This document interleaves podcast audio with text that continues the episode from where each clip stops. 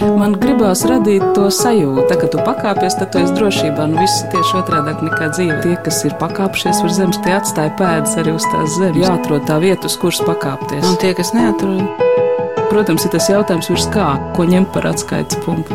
augstāk par zemi. Augstāk par zemi. Augstāk par zemi. Esiet sveicināti! Baložu uz Žozets jumta. Tā sauc Ilzas Lāces stāstu krājumu.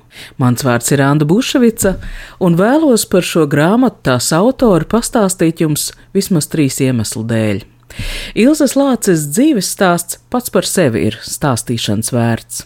Viņa savu dzīvi ir drosmīgi veidojusi, un vienlaikus tajā ir daudz kas no pagājušā gadsimta 90. gadu laikmetu griežus Latvijā pārdzīvojušajiem kopīgā. Formāli baloža uz Žozetes jumta ir Ilzas Lāces pirmā grāmata, taču tajā nav nekā no iesācējas nedrošības kļūmēm, un tam ir savs skaidrojums. Proti, mums ir darīšana ar valodas profesionāli. Lai arī Ilza Lāca pēc izglītības ir juriste, visa viņas dzīve ir bijusi saistīta ar valodu, tās kopšanu, nianšu slīpēšanu. Viņa ir strādājusi par grāmatu redaktoru dažādos apgādos, tulkojusi, Tad literāru tekstu tulkotājs darbu nomainījusi pret eiro ierēģiņu karjeru, ilgāku laiku strādājusi par juristu lingvistu Eiropas Savienības padomē. Beļģija kā savu dzīvesvietu Ilza Lāce šobrīd ir nomainījusi pret Vāciju. Mūsu saruna notiks ar Zoom aplikācijas starpniecību, tāpēc jau iepriekš atvainojos par skaņas kvalitāti, un arī savos stāstos viņa pieraksta šobrīd aiz Latvijas robežām dzīvojošo laika biedru pieredzi. Es vienkārši negribētu, lai jūs šo meistarīgi uzrakstīto debiju latviešu literatūrā palaistu garām. Apgādam zvaigznā ABC pieder vairāku jaunu rakstnieku atklāšanas gods.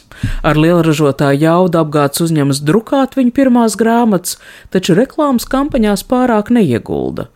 Ja nu pastāstot preses relīzēs vai vāku anotācijās kādus intriģējošus faktus iz rakstnieku biogrāfijas. Izdevniecība veidojot jūsu grāmatas reklāmas kampaņu, atklāja jūsu radniecību ar Vilnu Lācu. Jums tas vispār ir svarīgi. Kā veidojušās jūsu attiecības varbūt ar literatūru? Pirms grāmatas publicēšanas es brīdi domāju, vai likt šo savu vārdu, ar kuru publicētu presē, vai tomēr izvēlēties pseidonīmu. Un tad es galu galā tomēr izdomāju, ka Tad tas varētu izskatīties tā, ka man tā kā būtu bail vai es tā kā kaunētos ja, no šīs radniecības. Tas nekādā gadījumā tā nav. Jūsu patreizējais uzvārds ir grūti latvietim izrunāt. Izrunā Berhāge. Hāge, tas ir ļoti tipisks flāmu uzvārds. Tas ir faktiski flāmu bērziņš kalniņš. Ja? tas ir mana vīra uzvārds. Un tomēr, ja mēs pabeidzam to tēmu par radniecību ar Vilu Lāci, vai kaut kādā veidā tas jūsu pievēršanos literatūrai ir noteicis? Drīzāk bremzējis nekā veicinājis. Jo jūs saprotiet, iekāptais vectēva kurpēs ir diezgan riskanti, vai ne? Bet kāda ir bijusi jūsu ģimene, kāda ir bijusi tā vide, kurā jūs esat izaugusi, vai tajā bija literatūrai liela nozīme? Literatūrai pilnīgi noteikti bija liela nozīme, bet mani uzaudzināja mātes vecāki. Tā bija Dailas teātris, mūziķa, mana vecmāmiņa un advokāts, mans vectēvs, ja, kurš gan arī pats rakstīja dzējoļus, ja, un ļoti mīlēja literatūru. 1927. gadā Vils Lācis apprecēja savu klases biedreni Mariju Buti. Laulība ilga 17 gadus, piedzima divi dēli, tad nu Ilza Lāca ir Viļa Lāča vecākā dēla Zigurda meita taču viņas bērnība atmiņas par ģimeni vairāk saistās ar viņas vecvecāku no mātes puses stāstos uzburto pasauli. Jā, var saukt vārdā Alise Olga, Paivariņa, Kalnāre un advokāts Valdis Kalnāre. Jau tālākajā sarunā es uzzināšu, ka Ilzas Lācis stāstos nav gandrīz nekā sadomāta. Visas aprakstītās vietas, tēli, pārdzīvojumi vismaz sakņojas viņas pašas redzētajā. Vecmāmiņa, viņas uzburtā starpkaru Latvija, ir atrodama stāstā Olīte. Jo vecmāmiņa bija ļoti laba stāstītāja. Un es zinu, ka mēs mūsdienu bērni ņergājamies ap ēdienu. Un tad, lai mēs dušīgāk ēstu tās brokastis vai pusdienas, viņa vienmēr kaut ko stāstīja par savu bērnību, par gadiem liepājā. Un ļoti daudz kas no tā ir ielikts stāstā. Labi, es varbūt mazliet palasīšu no Olītes. Olīte un Valītis satiekas Rīgā. Balītis no universitātes nākdams Vērmanas dārzā starp orķestra mūziķiem ierauga neparastu skatu. Vislielāko instrumentu spēlē meitene ar garām bizēm. Balīti to laiku aizrauja viss eksotiskais - vācu filozofi, jogu mācības un doras švīkulas zaļbarība. Tādu meiteni nedrīkst garām laist. Un tikuši kopā abi ātri vien aprecis. Diemžēl diriģents pēc neilga laika liek olītei no tām bizēm tikt vaļā puikas parkā svilpjot. Vietā nāk īsi ilgviļņi, un garos laucinieces bruņšus nomaina paīs kleitiņa ar bārkstīm gar apakšmalu. Man šķiet, ka mana vecmāmiņa bija viena no pirmām sievietēm kontrabasistēm Eiropā. Nu, Latvijā pilnīgi noteikti, jā, viņa bija pirmā. Viņa izvēlējās šo īpatnējo lielo smago instrumentu savu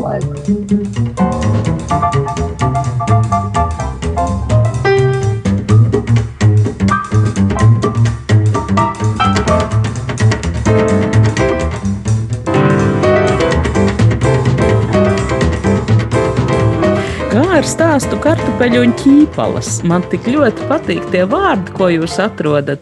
Ķīpala tādu es nebiju dzirdējis, bet man jau acu priekšā ir ēdienā peldoša tauku ķīpala.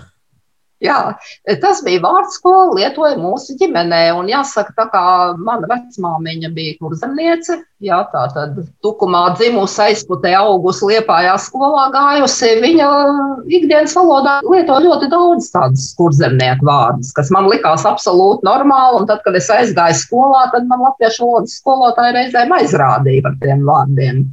Kura skola bija jūsējā? Rīgas 50. vidusskola, tagad tā laikam ir Angļu ģimnāzija. No kurienes arī, kāpēc jums ir tik labas svešvalodas zināšanas skaidrs? Jā, es pilnīgi noteikti esmu pateicīga saviem angļu valodas skolotājiem, jo es vispār sāku tulkot no angļu valodas ar tādām lielām bažām. Es domāju, nu kā, nu es neesmu beigusi svešvalodu fakultāti. Bet eh, tā tulkošana notika tā, ka es, es pirms rediģēju šos tulkotos darbus. Un tad, kad vienreiz es biju vienu grāmatu burtiski pārrakstījusi, man apgāda vadība teica, no izbeidzas šeit un ņem un tulko pat. Sākās tā mana tulkošana no angļu valodas.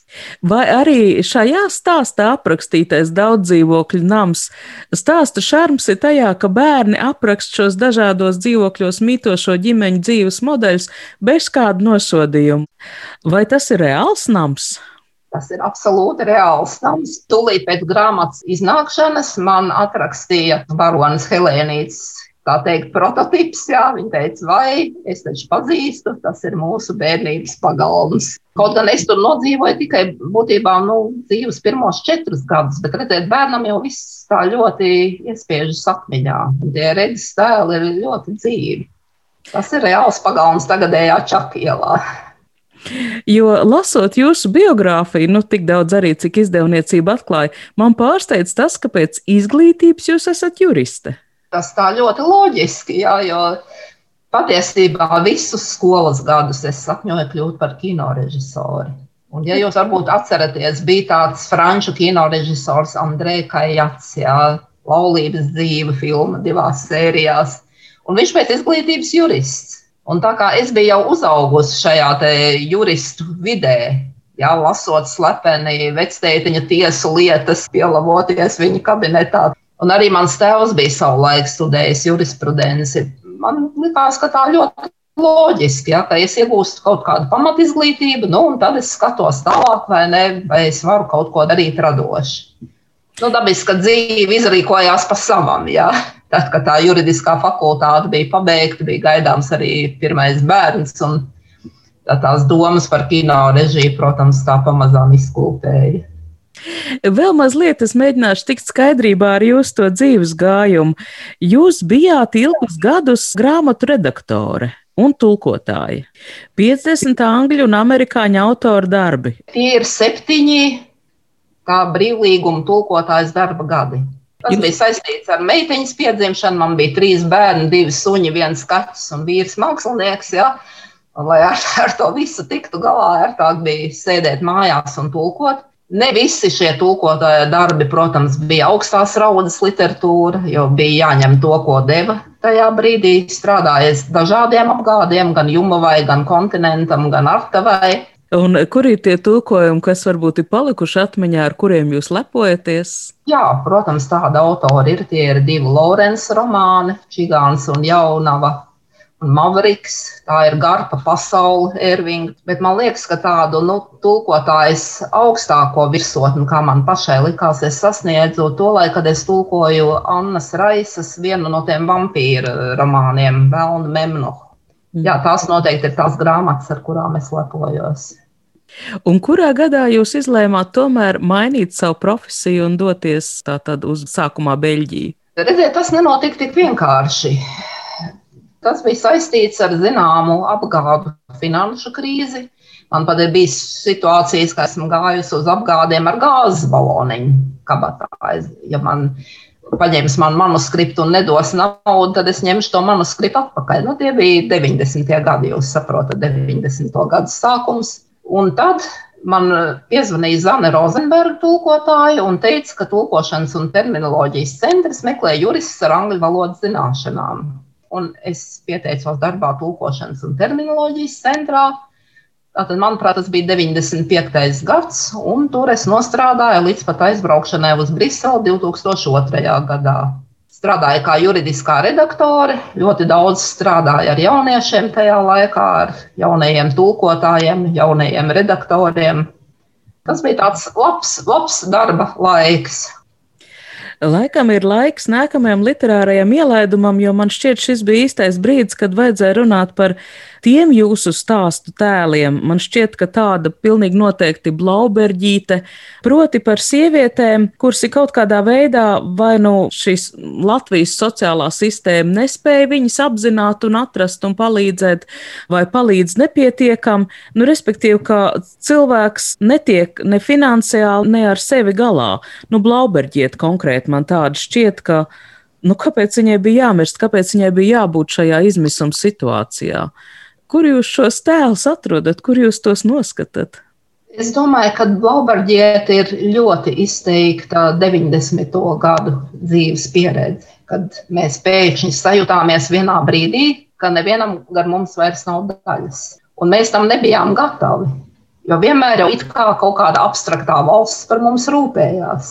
Bet eh, stāsta pirmsākums ir vispār ļoti īpatnējs. Stāsta ideja radās staigājot pa liepāju, un uz kāda ielas stūra ieraugot šo pusnojaukto māju ar plīvojošām tapetēm un eh, avīžu driskām. Un tieši no šīs redzes ainiņas ja, izaug šis stāsts par Bolberģieti. Un tad kādu nakti pie durvīm klauvēja. Policisti bija atveduši juriģi, atrastu sēžam ielas malā ziemas spēlgonī. Būtu vajadzējis vest uz iecirkni, bet kā vienmēr un visur gadījās starp policistiem Arvīda kādreizējais darba biedrs. Kuģu remonta rūpnīca bija izputējusi, un večiem spēka gados nācās meklēt citu darbu. Ja negribēja braukt prom, izvēle nebija pārāk liela.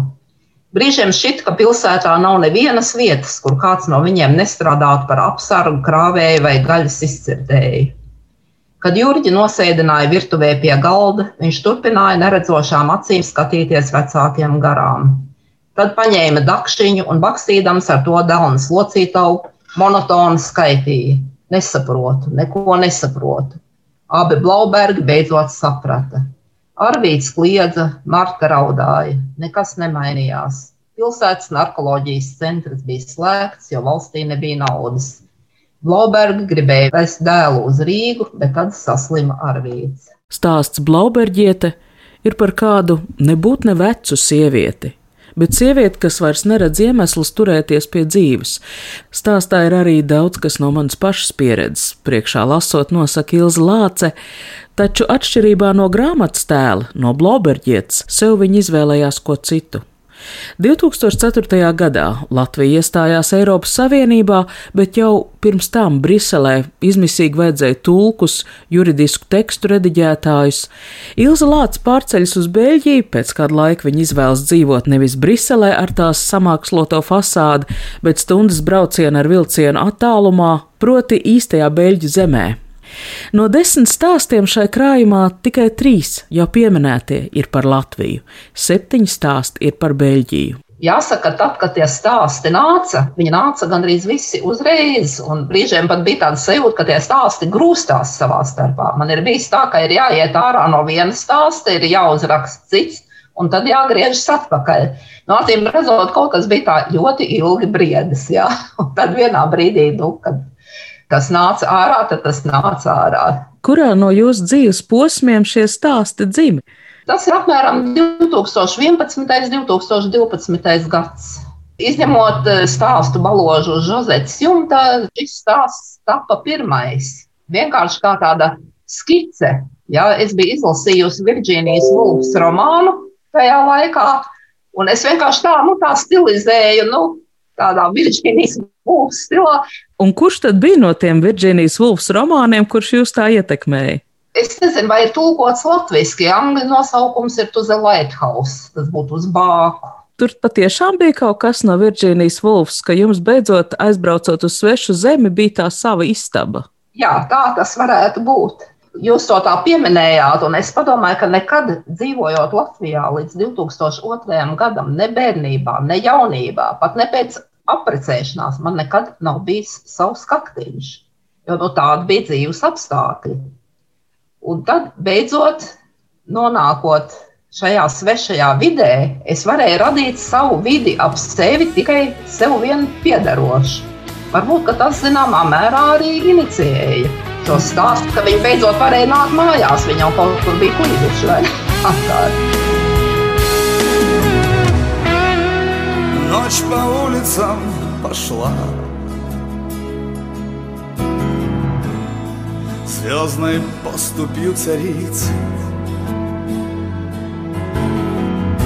Слов и чисел простота У небесного моста Раскидала перья птиц Jau pēc sarunas ieraksta Ilza Lāca atrakst man messengerī ziņu. Jums tur raidījumā ir arī muzika. Varētu ielikt Davida Bovija the Wind. Šī dziesma uzdod tonu stāstā multiinstrumentālista diendusa. Un tā patiešām arī no manas puses bija, ka lasot šos stāstus, es internetā uzmeklēju pieminētās dziesmas, feelingu uzdoto ritmu, ja vēlas var saklausīt stāstu valodā. Rakstu atpakaļ, tad jau Grigorijs Ļeps arī būs jāuzmeklē. Viņa Rjumka Votkana staļē citēta stāstā baložu uz Žozetes jumta. Var arī Ļepsu, piekrīt man sarunbiedre. Pirmajā emigrācijas gadā ar kolēģi aizskrējām uz Čigāna ansambļa koncertu. Starbrīdī dzērām šņābi, piekodām ķilau maizītes un godīgi secinājām, ka arī krieviskā smeldze ir mūsos. Šie sarakstes īsie Briseles dzīves uzplaiksnījumi izgaismo latviešu literatūrā līdz šim nepietiekam skartu tēmu. Ko nozīmē šim gadsimtam tik ikdienišķa lieta dzīvot svešā zemē, dzīvot svešā valodas vidē starp vairākām kultūrām, kā tas ir, kad vietējie tā arī nespēja iemācīties tava viņiem eksotiskā vārdu pareizi izrunu. Stāsta baložu uz Žozetes jumta, galveno varonu beļģu kaimiņu uzrunā par Sintrā. Viņa iziet cauri zirnekļa tīklam pa taisno, jūtā lipīgo skārienu uz sejas un kaut ko, kas atgādina apmierinājumu pēc mīlēšanās. Virs dzīvžoga parādās vīrieša galva. Cirmi, cirtaini mati, šķietam augstprātīgi uzrautais deguntelis kontrastē ar labsirdīgo, mazliet naivo acu skatienu. Tāds dārza rūķis. Sintrā, sintrā, savā dirkarivē, Kaimiņš Mišelīts, tas, kam pieder lērums, bikškājainu vistu un gailis ar aizņaukto rīkli, kura ikrīta dziesma atgādina mirēju pēdējo gārdzienu. Tas, kurš cauru dienu atskaņo saviem tomātiem relaksējošu mūziku, lai nestreso, bet ražo. Uz dārza trepēm pakāpies, kā vienmēr nobažījies pārbauda, vai vientuļo sveštautiet nav pārņēmusi depresija. Nav, nav depresija, tikai drusku skumjas. Un paldies, nē, uz baznīcu neiešu. Tie ir reāli personāži, Mišelīts ar tām vistām kaimiņos. Jā, tie ir absolūti reāli personāži, un es viņiem godīgi arī esmu pateikusi, ka viņi ir ielikti stāstā. Baloža Žozets jumta tur ir tāds tēls no Annas brigadieras slugs, gulbīt, guldīt, kustina kājiņas, no aizved uz to laimīgo zemi. Galvenā varona ilgojas pēc dzimtenes, bet man šķiet, ka tās ilgas ir universālākas. Jā, pilnīgi noteikti. Pilnīgi noteikti tā ir vairāk varbūt viņas tāda, nu, vientulības tēma. Viņa jau nejustos varbūt savādāk nemaz arī Latvijā. Tā ir vienkārši sievietes tāda apziņa, ka viņa kaut ko savā dzīvē varbūt nav izdarījusi gluži pareizi, un te nu viņa ir ar svešiem cilvēkiem, bet tiešām ir jautājums, vai tas būtu savādāk atgriežoties. Ilzas Lācis stāstus nevajadzētu atstāt bez ievērības kaut vai tā viena iemesla dēļ, ka tie pieraksta 20. un 21. gadsimta mijas prom devušos latviešu likteņus. Un tāds ir sagurušais eiro ierēdnis Žans Blieķēns. Žanis kādu laiku ļāva sev pazemot, izlūgdamies sīknaudu dienišķajai kafijai, bet tad sasparojās un uz svešvalodu zināšanu rumaka iauļoja labi apmaksātā projektā kas ļāva bez lielām sāpēm sekt laulības, šķiršanas un dzīvesvietas maiņas izdevumus. Un izrādījās tomēr pietiekami apģērbīgs, lai nenokavētu vienu no pirmajiem ar labākas dzīves tīkotājiem, nepārāk pieblīvētajiem vilcieniem uz fritēto kartupeļu karaļvalsti. Tīkotājs, kuru rindas vēlāk geometriskā progresijā savairoja lielā dimba, Tolaik no karaļvalsts vēl atturēja svešā, grūtā un viņu dzimtenēm nepārāk populārā vietējo valodu. Žanis domās pakniksēja Aisedorai. Bērnībā īstās valodas privātstundas atmaksājās ar uzviju. Mans mīļais tēls, Žants Blieķens, es gribētu kaut kā atrast iemeslu sarunai par viņu un arī kādu fragmentiņu. Jo tas eiro ierēģņa tēls, viņš ir tik atklāts, Mēs runājam par cilvēku, kurš mūža otrajā pusē dzīvo lielā labklājībā, bet ir ārkārtēji iekšēji noguris. Kas ir īsti viņa noguruma iemesli? Jums pašai tas ir skaidrs? Redziet, šajā stāstā ir mazliet sintēzēta iekšā arī mana pašironija pašai par sevi. Un uzreiz es pateikšu, ka cilvēkiem ir kaut kā tāds dīvains priekšstats par šiem Eiropas ierēģiem, ka viņi tur saņem tās lielās algas un nekā nedara. Man katreiz no dusmām uzmet zosādi, jo īstenībā tas ir bezgalā smags darbs. Tas ir darbs sestdienās, svētdienās, tas ir reizēm darbs līdz vēlai naktī. Jā, tas var būt darbs, ka tev atsauc atpakaļ no atvaļinājuma. Un tas ir šis nemitīgais sasprindzinājums. Un tas cilvēkus bieži vien noved līdz izdegšanai, līdz depresijai, ja, līdz eh, dažādām fiziskām saslimšanām. Tā ir tā realitāte. Ilzas Lācis patreizējā dzīve ir stāstā Lielā piedošanas diena. Tas ir gluži reāls ar vēsturu un tradīcijām apvīts pasākums, uz kuru viņi dodas kopā ar šai kultūrai piederīgo dzīves biedru. No savām svežzemnieces pozīcijām viņi cenšas aptvert šeit notiekošo, taču neko vairāk par mulsumu, par iemeslu labam jokam neatrod. Ir vēl kāda lieta, ko es abrīnoju Ilzas Lācis rakstītajā tā milzīga atklātība pašai pret sevi un tagad arī lasītāju. Ko jūs vīrs saka par stāstu Lielā piedošanas diena? Viņš zina, ka es esmu ielikusi stāstā šo mūsu kopīgo braucienu. Tas patiešām bija reāls brauciens uz šo pasākumu, kurš bija tik pompos, tik uzpūsts un viss tik ārkārtīgi kontrastēja ar to novaisto vidi, ar to patiesībā sakot diezgan klajo nabadzību. Un viņš arī zina, ka viņš pats tur ir iekšā. Viņam tik žēl, ka viņš nevar izlasīt. Jūsu vīrs tiešām arī ir flāms? Jā, jā, mans vīrs ir īsts flāms, un tieši tā kā es te stāstā rakstu, viņš ir rietumflāms, kas vēl kaut ko nozīmē. Mm -hmm. Jo redziet, tie flāmi iedalās austrumflāmos un rietumflāmos, un tie austrumflāmi ir vairāk tā tādi holandieši, jā, tādi atturīgi un tādi lieli augumā un blondi. Savukārt Rietumflandrijā ir vēsturiski ļoti liela Spānijas ietekme, un tur tie Spānijas čigāni ir daudz, tā teikt, arī ceļojuši un apmetušies. Un, piemēram, vārds flamenko, ko mēs asociējam ar šo spāņu mūziku, spāņu deju, īstenībā tas nāk no vārda flāms. Grāfiena sēdēja vientuļa un smaidīja. Izskatījās, ka viņa labprāt patērdzētu ar eksotisko vieši no Letonijas, bet Silvija paniskās bailēs izgāzties ar savu klamzīgo franču valodu izlikās to neredzamu. Viņu pat piesarga, atceroties, kā pēc kursa pabeigšanas pieņemšanā Francijas vēstniecībā tieši viņu sarunai ar tautu bija izvēlējusies vēstniece. Silvija nesaprata ne vārdu. Lasīt franciski viņa varēja, bet uztvert ar ausīm jēziņu nē. Stāvēja ar Mārtiņa rītiņu šokolādē ieķērātu lielzemeni pirkstos un dumji smaidīja. Par laimi vēstniece diezgan ātri aptvēra neveiklo situāciju un trīs reizes novēlējusi kurāžu, likās mierā. Man liekas, ka tā ir situācija, kurā gandrīz katrs no mums ir stāvējis ar to zemeni rokās. Jā, no tā valoda nāca ļoti grūti. Dēļ tā iemesla, ka bija kaut kāda psiholoģiska aizture. Es vispār eh, tieši Briselē dzīvojot, es kaut kā mazliet labāk sapratu tos mūsu Latvijas krievus. Jā. Jo man tai ļoti lielajā perfekcionismā iedomājieties, ka es tagad pavēršu muti un es tagad runāšu franciski, un tā mana izruna nebūs perfekta. Un es gal galā neesmu mazs bērns, es esmu jau cienījama dāma, vai ne? Man tas radīja milzīgu aizturi. Jā, tā apziņa, ka es nevaru perfekti to darīt. Šeit Vācijā es nevairos. Es runāju briesmīgi klamzīgā vācu valodā, ja, bet, ja man kaimiņš uzrunā, es viņam atbildu. Pārsvarā jau viņi saprot.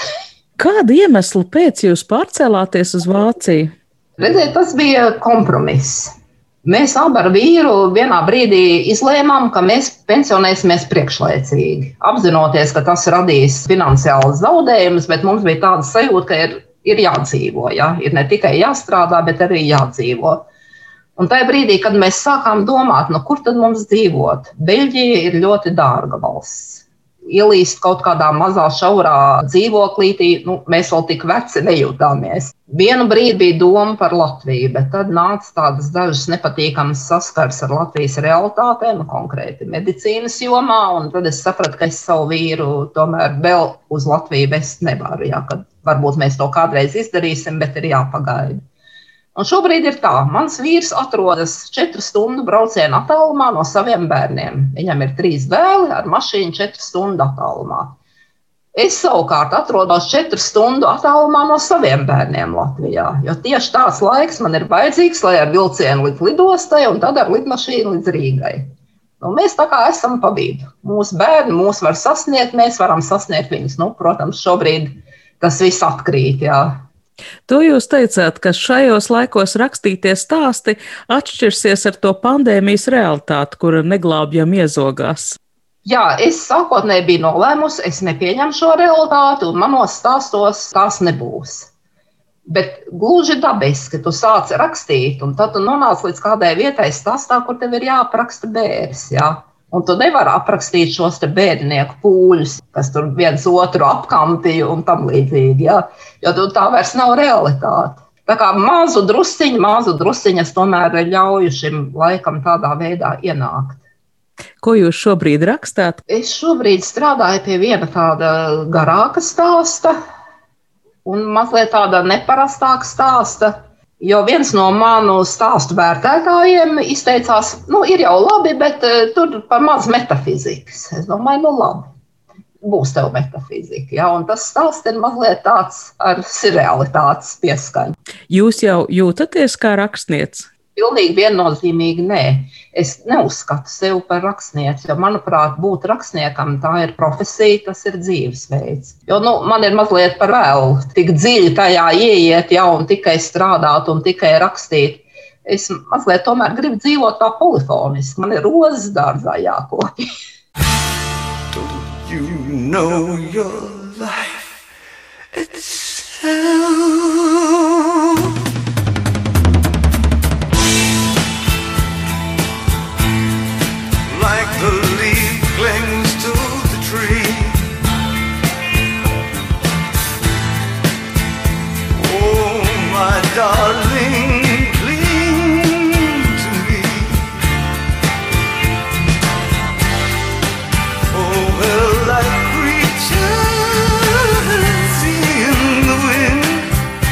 Lūk, arī Deivids Bovijs, vējš brīvs, jeb vējš mežonīgs.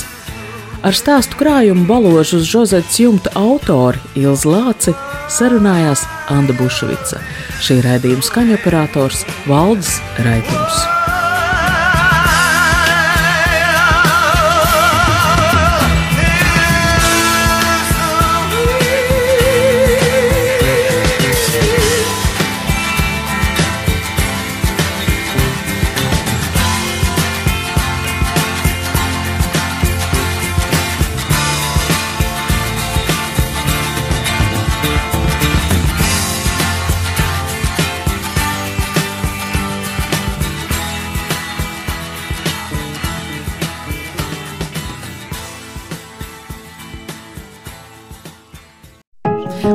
Gribās radīt to sajūtu, ka tu pakāpies, tad tu esi drošībā. Nu, viss tieši otrādi nekā dzīve. Tie, kas ir pakāpšies virs zemes, tie atstāja pēdas arī uz tās zemes. Jāatrod tā vieta, uz kuras pakāpties. Un tie, kas neatrod, Protams, ir tas jautājums, virs kā, ko ņemt par atskaites punktu.